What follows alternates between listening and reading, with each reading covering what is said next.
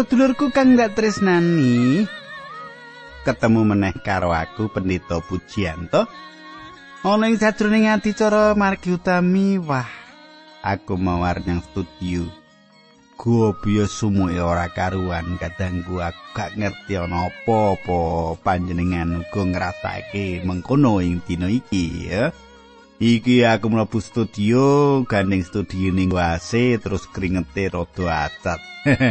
pancen anggon kubudal yang studio rada kesusu. Ya rada kesusu apiye ya repot arep budal ana tamu. Ya kudu ditemoni dhisik. Kek tamune uga akeh sing kudu di dirembuk babakan-babakan rumah tangga babakan apa wae? Ya mengkono iku jenenge pendeta.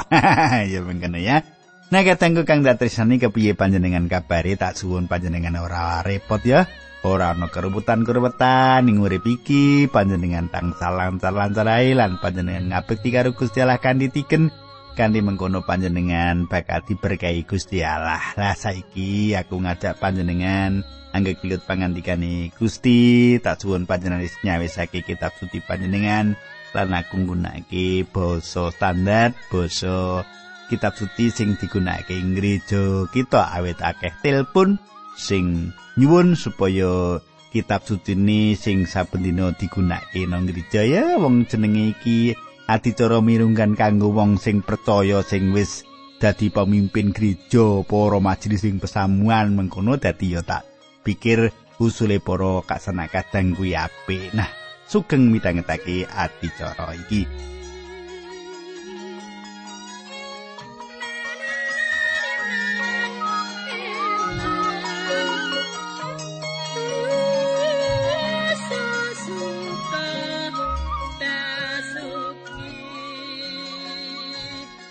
Sumitraku apa panjenengan isi kelingan apa sing tak aturake ana ing patemon kita kepungkur. Nggih Pak, sekedhik-sekedhik kula kelingan yo ora sekedhik-sekedhik nek iso ya. ya.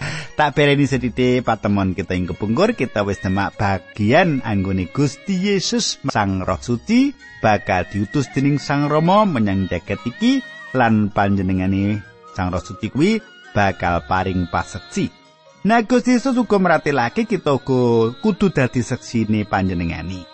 Nah banjur kepriye sateruse kita bakal nerusake. Nanging sadurunge kuwi aku ngaturake salam kok ndak kliru ya layang-layang iki nek rata wacake sithik-sithik engko ora do ora ngirim layang meneh ya. Mbak Esther Natalia. Wah. Kulo dados mangertos bab kayekten pangandikanipun Gusti lan kersanipun wonten ing gesang Pak.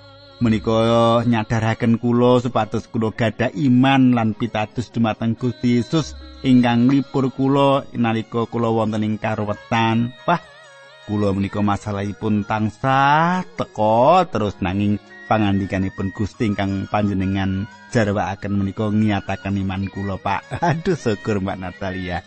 Seneng aku nek ngene iki. Aku kok semangat ana radio kene terus ngandharake kayekten-kayekten Gusti Allah. Kang nguatake mon panjenengan. Ayo katangku kita ndedonga bebarengan. Dekane Rama ingkang ada dampar wonten kraton ing kasuwargan matur nuwun sanget Gusti dene ing kalodhangan menika kawula kaparingan wewengan sinau kayektosan kayektosan saking pangandikanipun Gusti. Kawula nyuwun Gusti berkahi kawula, Gusti nuntuni kawula lan kawula ndongaaken sedherek kawula ingkang samenika ngadepi masalah-masalah gesang karuwetan-karuwetan gesang nanging saestu kados seratipun Mbak Natalia kala wau pilih pangandikanipun Gusti menika saged dados kegiatan ngadepi cobaning gesang.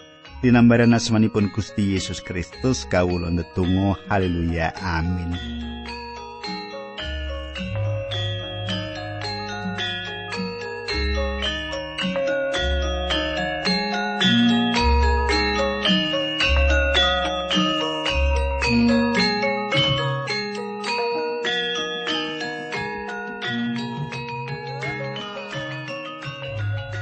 Pamirsa pasinan kita ing patemon kita iki Injil Yohanes 16. Wah, wis ya. Injil Yohanes 16 pasal iki mung kasih wulangane Gusti Yesus sing kamaran dhuwur.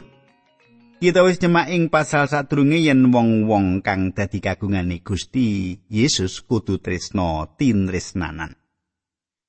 Apa kang dingendikake Gusti Yesus iku sawijining pemut kang cetha banget marang kita. Kita mbutuhake pitulungan priayi kang duwe sifat kealahan supaya kita bisa tresnan tinresnanan. Sepisan maneh kita mbutuhake pitulungan saka priayi kang sifat kealahan supaya apa? Supaya kita bisa tresnan tinresnanan. Sebanjuri Gusti Yesus paring dawuh supaya kita dadi padha karo panjenengane kang sabanjure dadi jalaran jagat iki sengit marang kita. Uga Gusti Yesus paring pangandika marang para murid kagungane menawa panjenengane ora rawuh, wong-wong ora bakal wanuh karo dosa. kang dikersake yaiku dudu wong-wong kang ora duwe dosa nanging awit panjenengane wis rawuh dosa-dosa pribadi wong-wong dadi ora ana apa-apane yen ketimbang karo kaluputan kang gedhi banget awit nampik sang juru wilujeng jagat lan Gusti kang luhur Katangku kang disi Gusti Yesus ora mung ana pituwas kang beda-beda tingkatane ana ing kasuwargan nanging uga ana tingkatan paukuman kang beda-beda ing neraka wong-wong kang ing dina iki krungu bab Gusti Yesus Kristus nanging nampik panjenengani. Wong iku ana ing golongan kang padha karo Yudas Iskariot kang ing ngarsane Gusti Yesus nampik panjenengani. Nampik panjenengani iku dosa kang paling gedhe saka antarane kabeh dosa. Gusti Yesus ngilingake wong-wong kegayutan karo perkara iki ing sadroning pasal kang sak banjuri. Kadangku, pasal 16 iki kawiwitan kanthi nuduhake Gusti Yesus kang isih lagi ngendikan gegayutan sengite jagat. Ayat siji bab 16 Yohanan.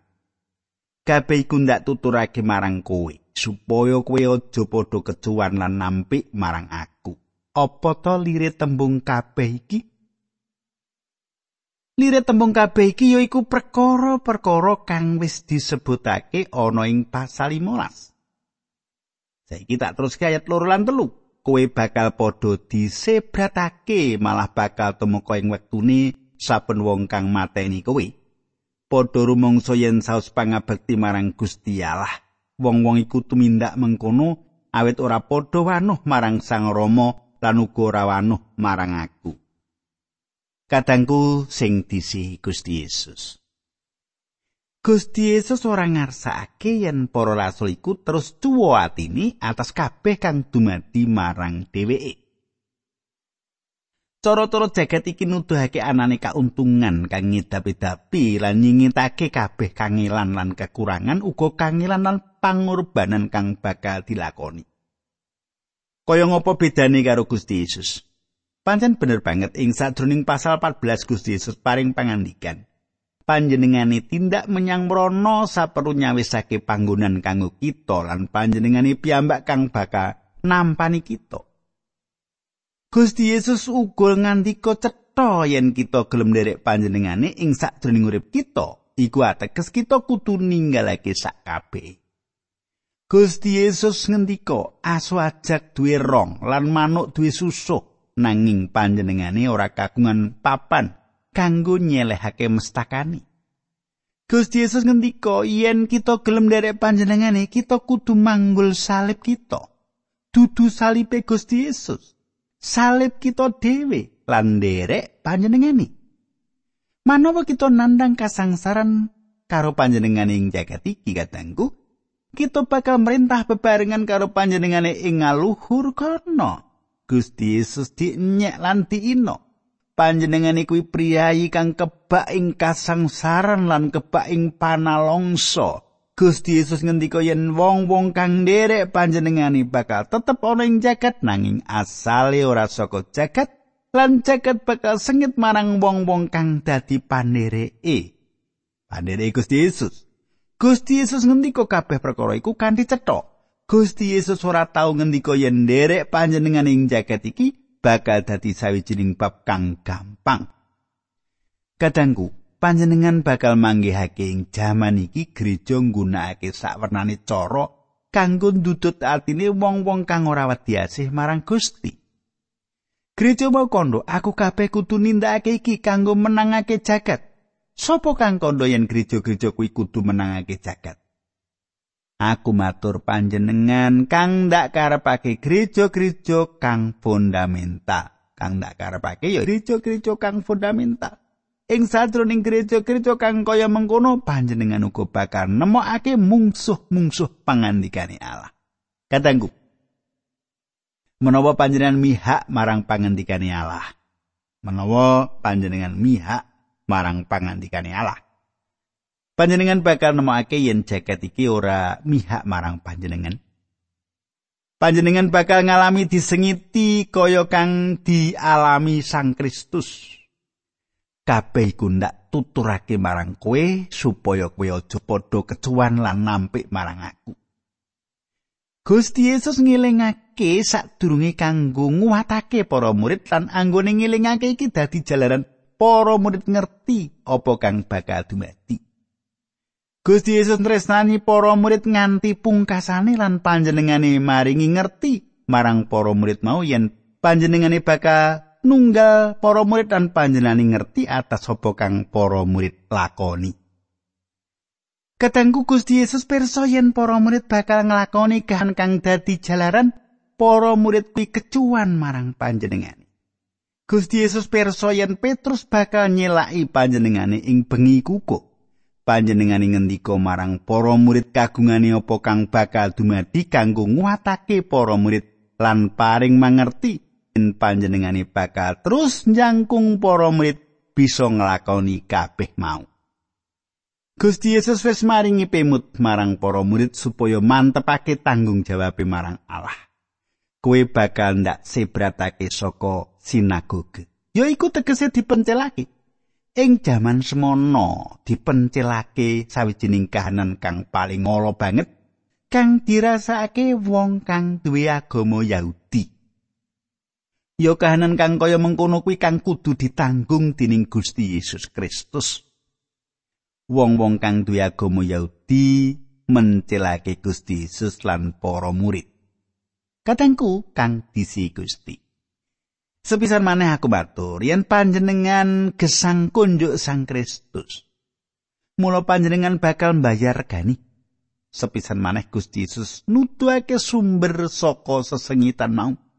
Awit wong-wong mau ora wanuh karo Sang Rama, wong-wong mau ora wanuh karo Gusti Yesus Kristus, ya iki uga kang dadi sebabe jagat sengit marang pangandikane Allah. Saiki ayat papat A papat B. nanging kabeh iki ndak tuturake marang kowe supaya menawa tekaning titi mangsane kowe padha eling yen kowe wis padha ndak kandhani perkara iki ora ndak tuturake marang kowe saka wiwitan mula awit nganti saiki aku isih tetunggalan karo kowe kadangku kang disi Gusti Yesus Gusti Yesus paring ngerti marang para murid apa kang bakal dumadi lan panjenengane Gusti Yesus nglatih para murid kanggo ngadepi apa kang bakal dumadiku. Gusti tansah nyawisake kita. Saksuwene pelayananku aku wis sinau ya iki cara-cara kang digunakake Allah. Aku wis sinau saka pengalamanku dhewe lan kanthi nggatekake wong liya yen Gusti nglatih lan nyawisake kita kanggo apa kang dumadi ing dina-dina kang bakal kita lakoni. Ayat 5. nanging saiki aku lunga menyang ngarsane panjenengane kang wis ngutus aku lan panunggalanmu ora ana kang takon marang aku paduka tindak dateng pundi? Kadangku bener banget yen Simon Petrus wis nyuwun pirsa marang panjenengane Gusti Yesus iku arep tindak menyang ngendi? Nanging pitakonan kang Petrus aturake iku pitakonane bocah cilik. Gusti Yesus ngendika ora ana siji wae ing antarane para murid kagungane kang tenan-tenan kepengin ngerti bab apa kang sakbeneri bakal dumati. Ora ana siji wae kang duwe pitakonan kang lantip saka tetinggalan kang asipat kasukman utawa karohanen. Ayat 6. Ananging marga kowe padha ndak kandhani bab iku mau, temah hatimu sedih. Kadangku, para murid ngadepi kasunyatan, Gusti Yesus bakal ninggalake dheweke lan banjuri para murid mau dikuasani dening kasedian kang jero. Ya iki sawijining bab kang perlu disingkiri dening wong-wong Kristen ing jaman saiki. Akeh wong Kristen kang ngejarake pengalaman uripe kang dadi jalaran wong-wong mau dikuasani dening rasa pait ing ati. Wong-wong mau ndeleng rong perkara kang banget ngujiwani ing sajroning wong utawa ing sajroning gereja lan sebanjure wong-wong mau dikuasani dening rasa pait ing atine nganti ninggalake Gusti. Ana sawetara wong kang malah ora gelem meneh mlebu ing gereja awit ngrasakake pengalaman kang pahit dumetu kang kepungkur. Wong-wong liya kelangan wong-wong kang dicilani sih terus prihatin kekayutan perkara iku mestine ora kaya mengkono kita aja nganti dikuasani dening rasa prihatin iku. Kepiye panjenengan kadangku apa yang ngono panjenengan cuwo karo kanca gereja terus ra mlebu gereja. panjenengan cuwo karo pendetane terus ora mlebu gereja kajaba pancen panjenengan ditampe ing gereja kuwi wis moh karo Pak Puji nggo apa wis aja disapa aruh. Ya nek ngono kuwi tak kebutake lebu sikilku aku pindah gereja sing marake. Nuntun aku tentrem rahayu. Lah wong kudu tambah jiwa kan seneng lho kok mosok ditampe. Wong aku yo martake Yesus Kristus aku percaya karo Gusti Yesus padha lah kok aku disengiti. Iya ta. Nah kadangku tak terus ayat pitu. Nanging kang ndak pituturake marang kowe iki bener. Luwih maedai marang kowe menawa aku lunga. Jalaran menawa aku ora lunga sang juru panglipur iku ora bakal ngrawuhi kowe. Nanging menawa aku lunga sang juru panglipur ndak utus marang kowe. Kadangku luwih maedai marang kowe menawa aku lunga kanthi tembung liya apik kanggo kowe. Kenapa kang luwih apik kanggo para murid yen Gusti Yesus tindak? Kisah salah siji jalarane yaiku tujuan rawe Gusti ing jaket iki yaiku kanggo seto. Coba panjenengan katake Markus 10 ayat 45. Amarga putrane manungsa iku rawe ora supaya deni nanging sumedya ngladosi lan masrahake nyawane minangka panebuse wong kadangku nalika perkara iku wis digenepi Gusti Yesus bakal bali marang Sang Rama awit panjenengane wis ngrampungake tujuan anggone panjenengane diutus dening Sang Rama. Sebanjuri ana jalaran kang liya nalika Gusti Yesus rawuh ing jagat iki panjenengane nganggo wujud manungsa. Gusti Allah iku maha ana. Nanging Gusti Yesus matesi badane kanthi dadi manungsa iku ateges Nalika Gusti Yesus isih ana ing Galilea, panjenengane ora bisa ana ing Betania. Eling, Maryam lan Marta ngimutake Gusti Yesus menawa wae panjenengane ana ing kono, mesti Lazarus ora bakal mati. Kan ditembung liya, menawa Gusti Yesus isih ana ing jagat iki ing badan kamenungsane, panjenengane ora bakal bisa ing papan ing ngendi aku ana ing wektu iki lan ana ing papan panjenengan saiki. Ora iso bareng, gitu. Awis saka iku katangku Gusti Yesus ngendika panjenengane bakal ngutus Sang Roh Suci marang wong-wong percaya. Sang Roh Suci bakal ana ing sadingah papan. Sang Roh Suci ana bebarengan karo aku ing dina iki lan uga bisa nunggal karo panjenengan. Gusti Yesus ngendika gegayutan Sang Roh Suci kuwi sawijining perkara kang luwih apik. Panjenengane bakal ngutus Sang Panglipur Paraklete iku lan Sang Roh Suci bakal rawuh lan manunggal ana ing sakjroning urip kita nalika Sang Roh Suci rawuh panjenengane bakal nindakake sawetara pelayanan kang salah sijine disebutake ing kene. Saya kita bacake ayat 8 nganti 11. Mengkini surasani, dini iku sarawe bakal nyakinake marang jagat bab dosa, bab kayekten lan bab pengadilan. Bab dosa amarga padha tetep ora percaya marang aku bab kayekten awit aku lunga marang ngarsane Sang Rama lan kowe padha ora ndeleng aku meneh. Bab pengadilan amarga pangediri jagat iki wis diadi. Katengku sing disi Gusti. Tembung Yunani dijarwakake yakinake iku pas. Tembung Yunani nek Jawa dijarwakake yakinake iku pas. Aku nyemak yen tembung iki digunakake ing sajroning buku pengadilan marang Sokrates. Dikaya kang ditulis dening Plato lan ditemokake ana buku kuwi kaping 12. Tembung kuwi tembung hukum. Nalika Sang Roh Suci rawuh, panjenengani bakal yakinake jagat kanthi cara kaya kang digunakake dening hakim utawa jaksa penuntut umum kang beberake bukti-bukti kanggo wong supaya wong iku dadi yakin.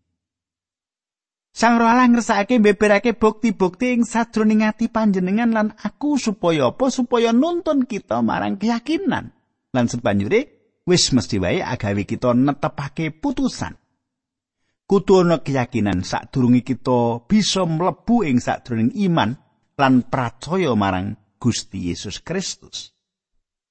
Kadangku, ing sadroning lelade ing jaman saiki, Sang Roh Suci bakal yakinake jagat telung prakara, yaiku dosa, kayekten, lan pengadilan. Gusti Yesus nyetakake marang kita apa to tegese dosa. Dosa awit wong iku tetep ora percaya marang aku. Apa dosa kang paling gedhe ing jagat iki? Gawe raja pati? Ora. Sapa wong jaman iki kang dosane paling gedhe? Kita pancen duwe catetan wong-wong kang dadi durjana. Saben jaman duwe catetan dhewe gegayutan karo wong kang dadi durjana. Nanging sak benere benere. Sapa ta wong kang dosane paling gedhe ing jagat iki? Panjenengan lan aku bisa wae kalebu wong kang dosane paling gedhe ing jagat iki.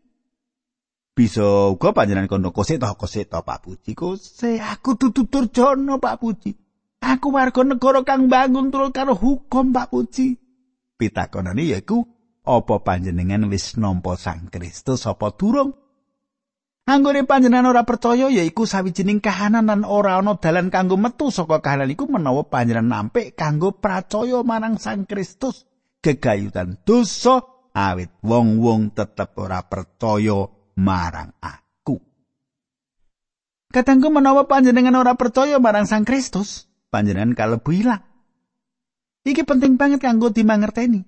Iki sawijining putusan kang kudu dipilih dening kabeh wong.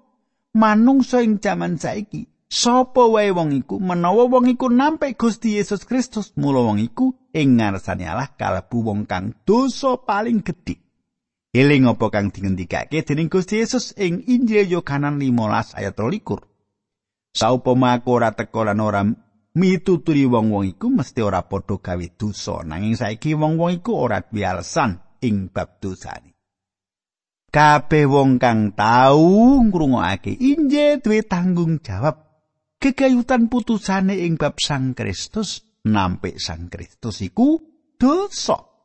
Kadangku, Kang kapindho, Gusti Yesus bakal ngiyakinake jagat kegayutan karo kayekten. Gusti Yesus Kristus disalib kanggo panerak kita lan kawungake kanggo bab benerake kita. Gusti Yesus Kristus bali marang Sang Rama awit panjenengane wis genepi pakaryane ing jagat iki.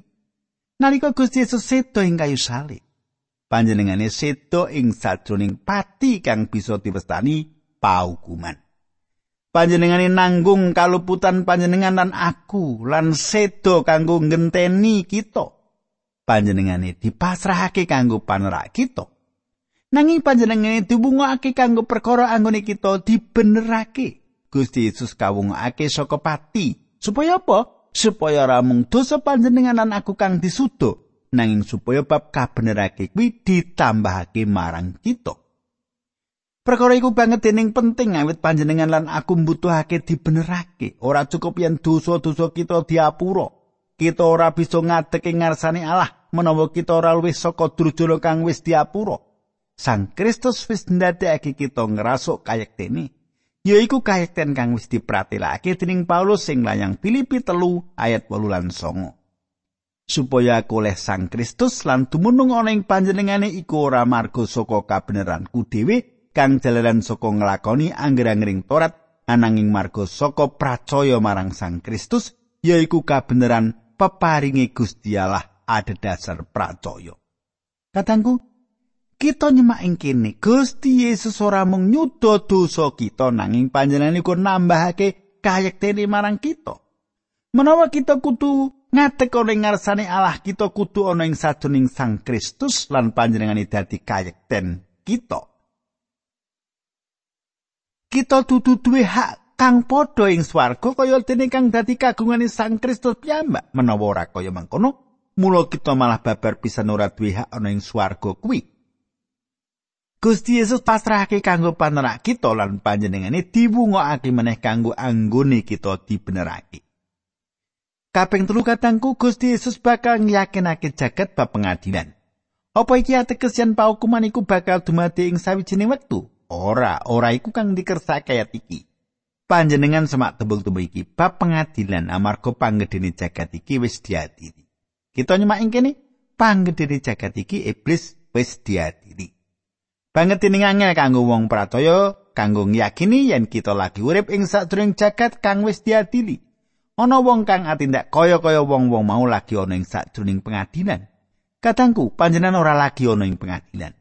Gusti Allah wis netepake panjenengan iku wong dosa kang ilang lan panjenengane wis ndawahake paukuman marang panjenengan. Coba semak Rom 6 ayat 12.